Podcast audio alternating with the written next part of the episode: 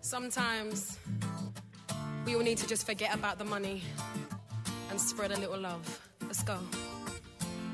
Seems like everybody's got a price. I wonder how they sleep at night. When the sale comes first and the truth comes second, just stop for a minute and smile. Why is everybody so serious? Acting so damn mysterious. Got shades on your eyes and your heels so high that you can't even have a good time. Everybody looks to their left. Everybody looks to their right. Can you feel that? Yeah, we'll pay them with love tonight. It's not about the money, money, money. We don't need your money, money, money. We just want to make the world dance. Forget about the price tag. Ain't about the uh, cha-ching, cha-ching. Ain't about the yeah, but bling, but bling. Wanna make the world dance. Forget about the price tag. Hey, yeah. Imma, què tal? Molt bona tarda. Hola, bona tarda. Um, 29 d'octubre. Sí, sí. Vaig fer, vaig fer reformes al porto de bany de casa, vaig canviar el bidet Mm -hmm. i, oh, casualitat, allà darrere amagadet hi havia un sobre Darrere del bidet. a darrere del bidet, allà on eh, surten els tubs Sí? que, de l'aigua, de Sí. l'entrada d'aigua i el desaigua. Doncs hi havia un sobre sec, no es havia mullat gens, de paper, i a dins hi havia 100.000 pessetes. Això que tu... Perquè, clar, entenc que no estàs tu movent el. O sigui, quin és el, com és el moment que el veieu? Ho veuen els paletes? Ah, Sí, el lampista diu, em diu, té, diu, això és la paga de Nadal. I jo eh, dic, què és això? I, i obro i hi havia bitllets de, de, de pessetes. 100.000. Pessetes, 100.000 pessetes. 100.000 pessetes. Tu què fas quan veus allò? Què dius? Al·lucino, perquè primer penso, ostres, fa poc que s'ha acabat el temps per canviar-lo en euros. Total, que us sembla... Clar, clar, Sí. és que fa res, fa molt, molt pocs mesos. Llàstima, va ser fa 15 dies i fa pocs mesos que ja s'ha acabat el període. I no vas pensar a intentar-ho dir-li a dir-li a algú, escolta, segur que no hi ha algun lloc on ho puguem canviar? No, perquè com a molt un col·leccionista o algú que faci... Però no, no, vull dir, ara ni el Banc d'Espanya Ja, ja, ja, ja, és una llàstima. Però I, bueno, I què et va dir lampista?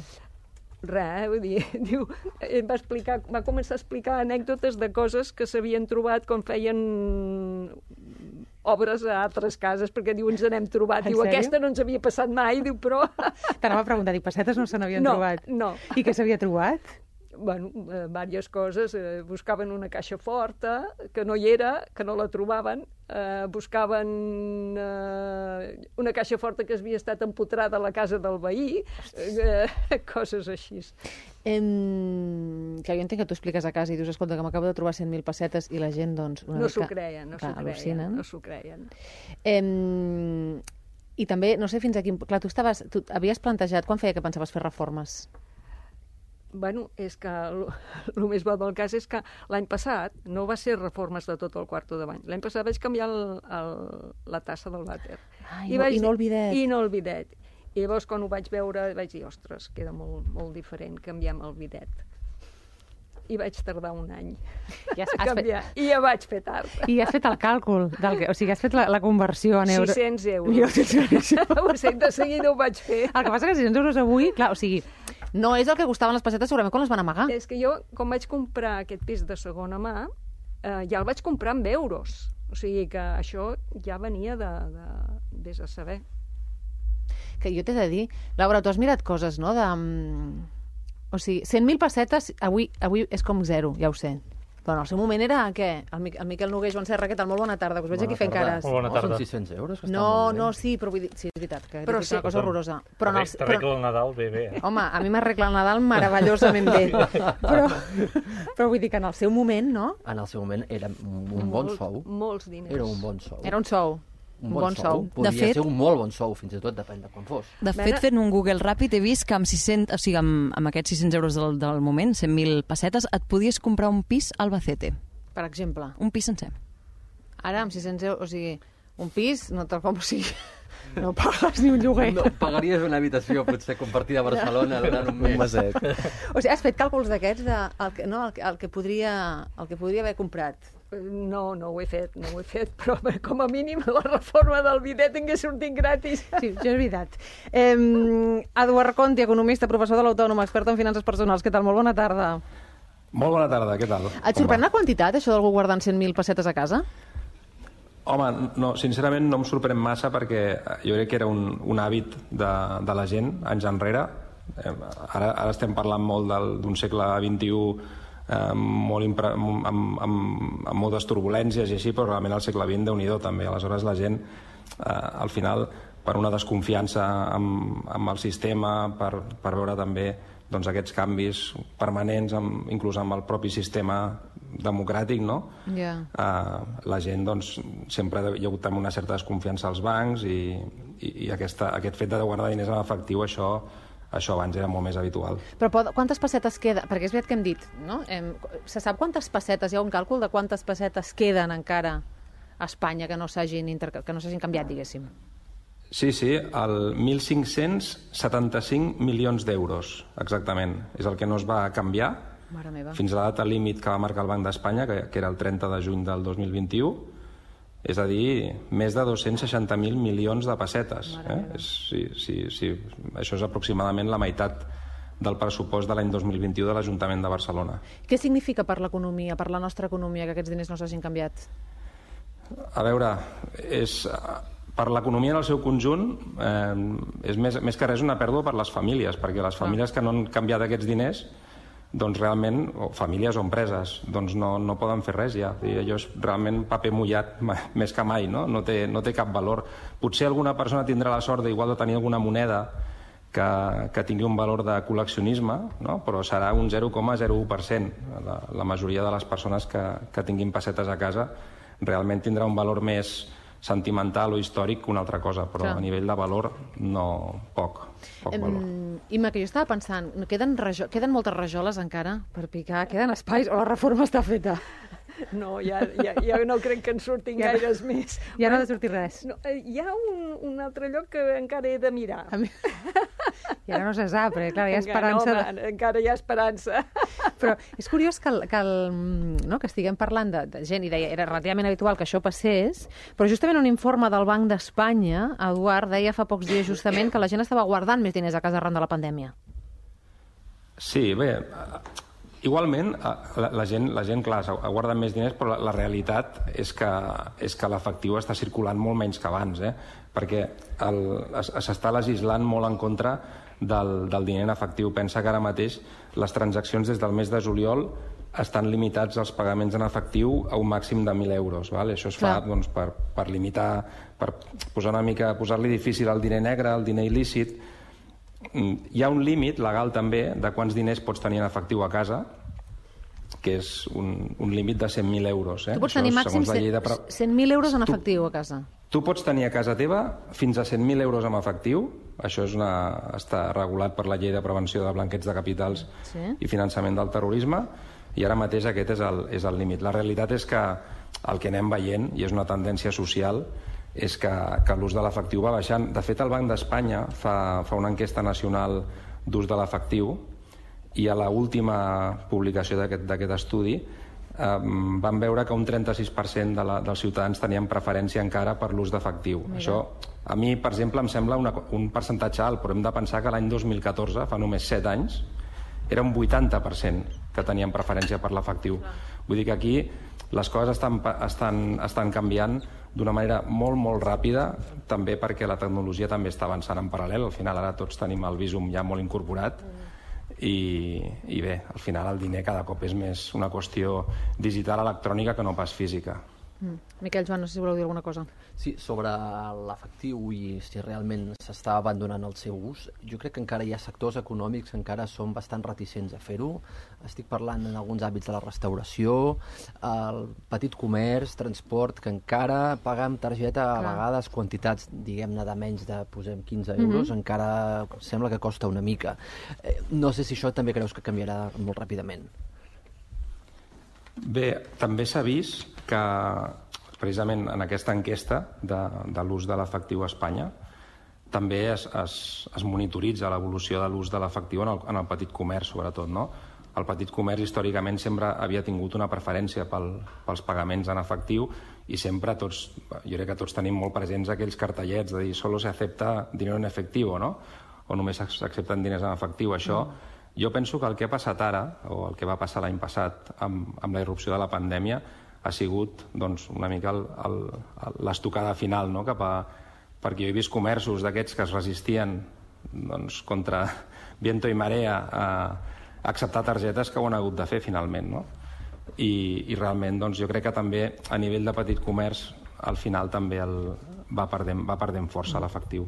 És estava... veritat que hi ha sectors que, que encara doncs, tenen preferència eh, per l'efectiu, però cada cop menys. Ens estaves ensenyant la, la foto, perquè teniu una fotografia... Entenc que veu agafar els, els bitllets i els vau posar sobre la taula, en el vostre cas. Sí. Que són com 4 de, 5 de 2.000, que jo t'he de dir que ja no me'n recordava. De com eren, no? Com eren, no? O sigui... Mm. Perdona, vosaltres teniu clar com eren els... Us en recordeu dels bitllets? Jo, jo color taronja, els de 2.000, potser. Mira, ho has dit molt bé, Miquel. I... Sí, perquè són, així, bueno, són com vermells taronges. No hi ha com que... tenir una edat. I els liles diria que eren de 10.000 pessetes, pot ser o no? I bé? després hi ha uns, pot ser que... Els blaus, els blaus... De 5.000. De 5.000, no? Sí. Aquests de 10.000. Ah, de 10.000. 10 10 Hi ha alguns que són els més grans? Els més lilosos, aquests de 5 i aquests... D'acord, de 2.000. I aquests de 2. De dos. I hi ha uns que són més grans? O, o, o, o, o són tots els bitllets iguals? Els que m'he trobat són aquests. Són tots iguals, llavors, aquests. Uh, estic pensant que hauré de mirar per casa perquè el meu avi, que va morir ja fa bastants anys, recordo, recordo que tenia sempre uns diners sota el rajol, que deien el rajol. Es deia el rajol. sèrio? En cap cas la rajola, I no- no... el rajol. I no sabem si continuen allà. I algun dia haurem de mirar perquè potser apareix alguna cosa. Tu recordes, o sigui, recordeu coses concretes que compréssiu en pessetes? Del... Abans, com, com començàvem el programa, dèiem hi ha coses concretes de recordo el diari 100 pessetes. El... L'Anna recordava el frigopier, fixa't tu quins records que té cadascú. De... Has dit 40 cèntims, no? Tu deies, Anna? Pues, és que, moltíssim, és que moltíssimes coses, sí. almenys en la generació no?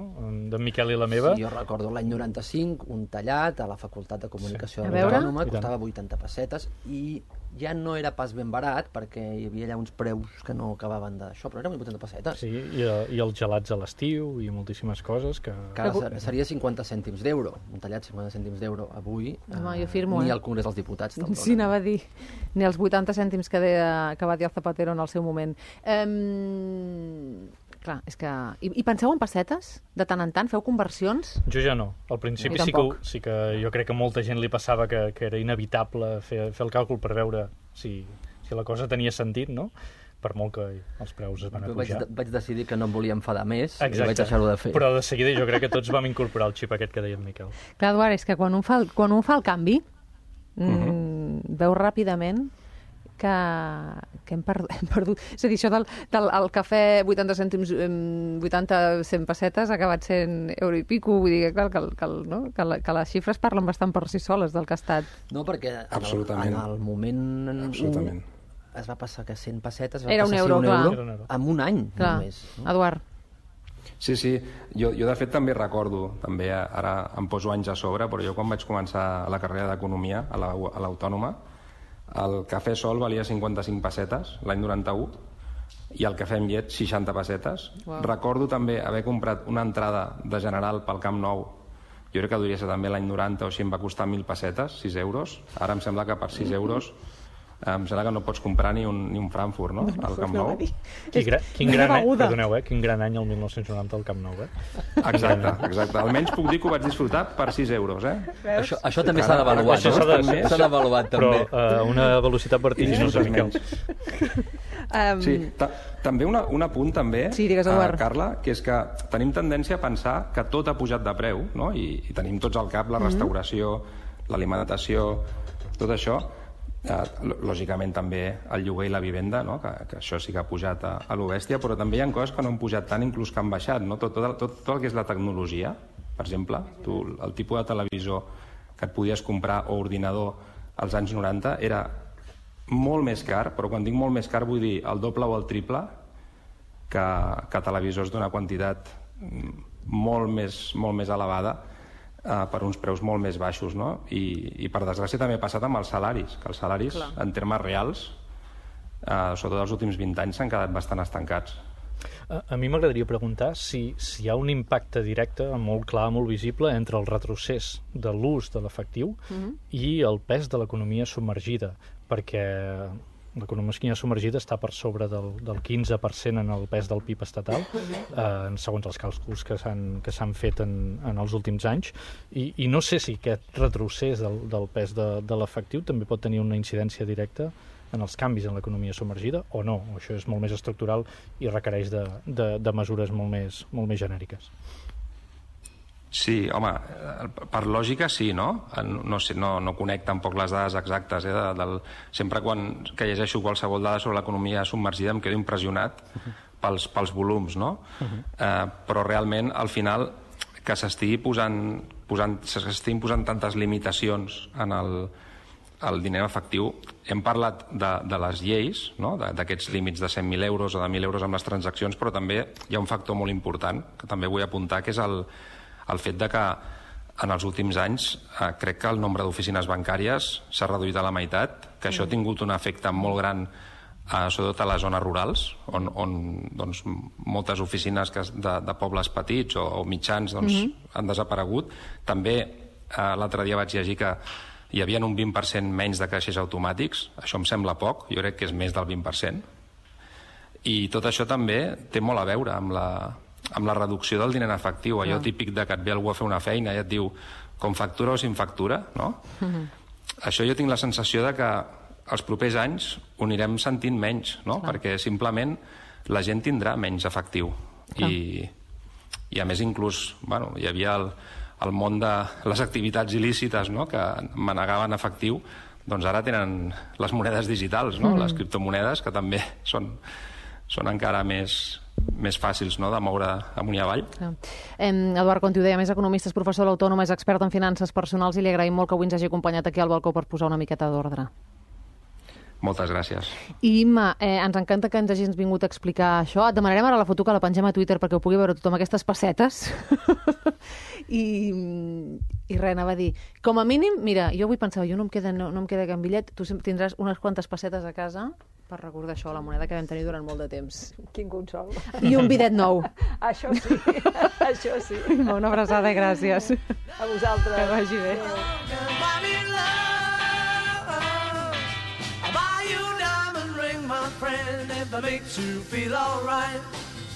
I'll get you anything, my friend, if it makes you feel alright. Cause I don't care too much for money, but money can buy me love. I'll give you all I've got to give if you say you love me too.